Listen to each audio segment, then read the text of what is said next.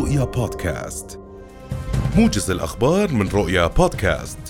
قررت محكمة صلح جزاء عمان النطق بالحكم بقضية مستشفى السلط يوم الأحد الخامس من كانون الأول القادم.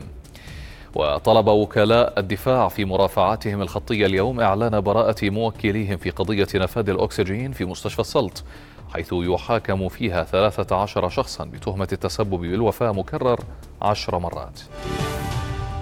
قال رئيس غرفتي صناعة الأردن وعمان المهندس فتحي الجغبير إن وزير الصناعة والتجارة والتموين أعلن أن الأردن سيتعامل بالمثل مع الدول التي تضع عراقيل أمام دخول الصادرات الصناعية الأردنية إليها مطلع العام المقبل.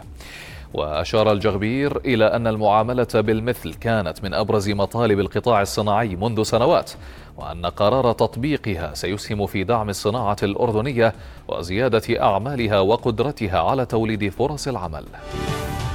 أضيء يوم أمس معلم الخزنة في مدينة البتراء الأثرية باللون الأخضر بمناسبة الذكرى السنوية الأولى للتخلص من سرطان عنق الرحم.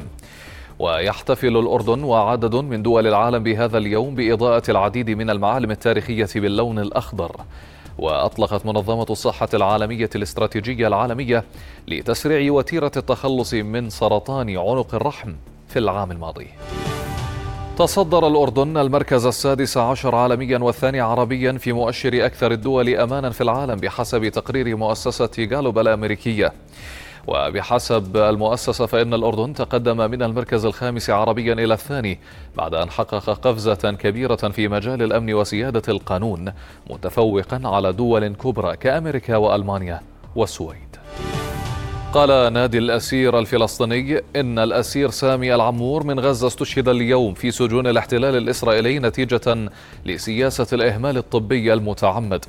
وأضاف أن الشهيد العمور معتقل منذ عام 2008 ومحكوم بالسجن لمدة 19 عاما.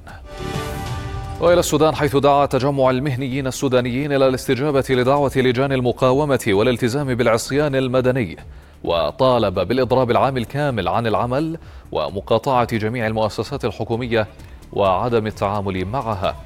كما دعا التجمع إلى شل الحياة العامة في مواجهة ما أسماه المجلس العسكري الانقلابي من خلال وضع الحواجز والمتاريس مع ضرورة عدم الاشتباك مع الأجهزة الأمنية.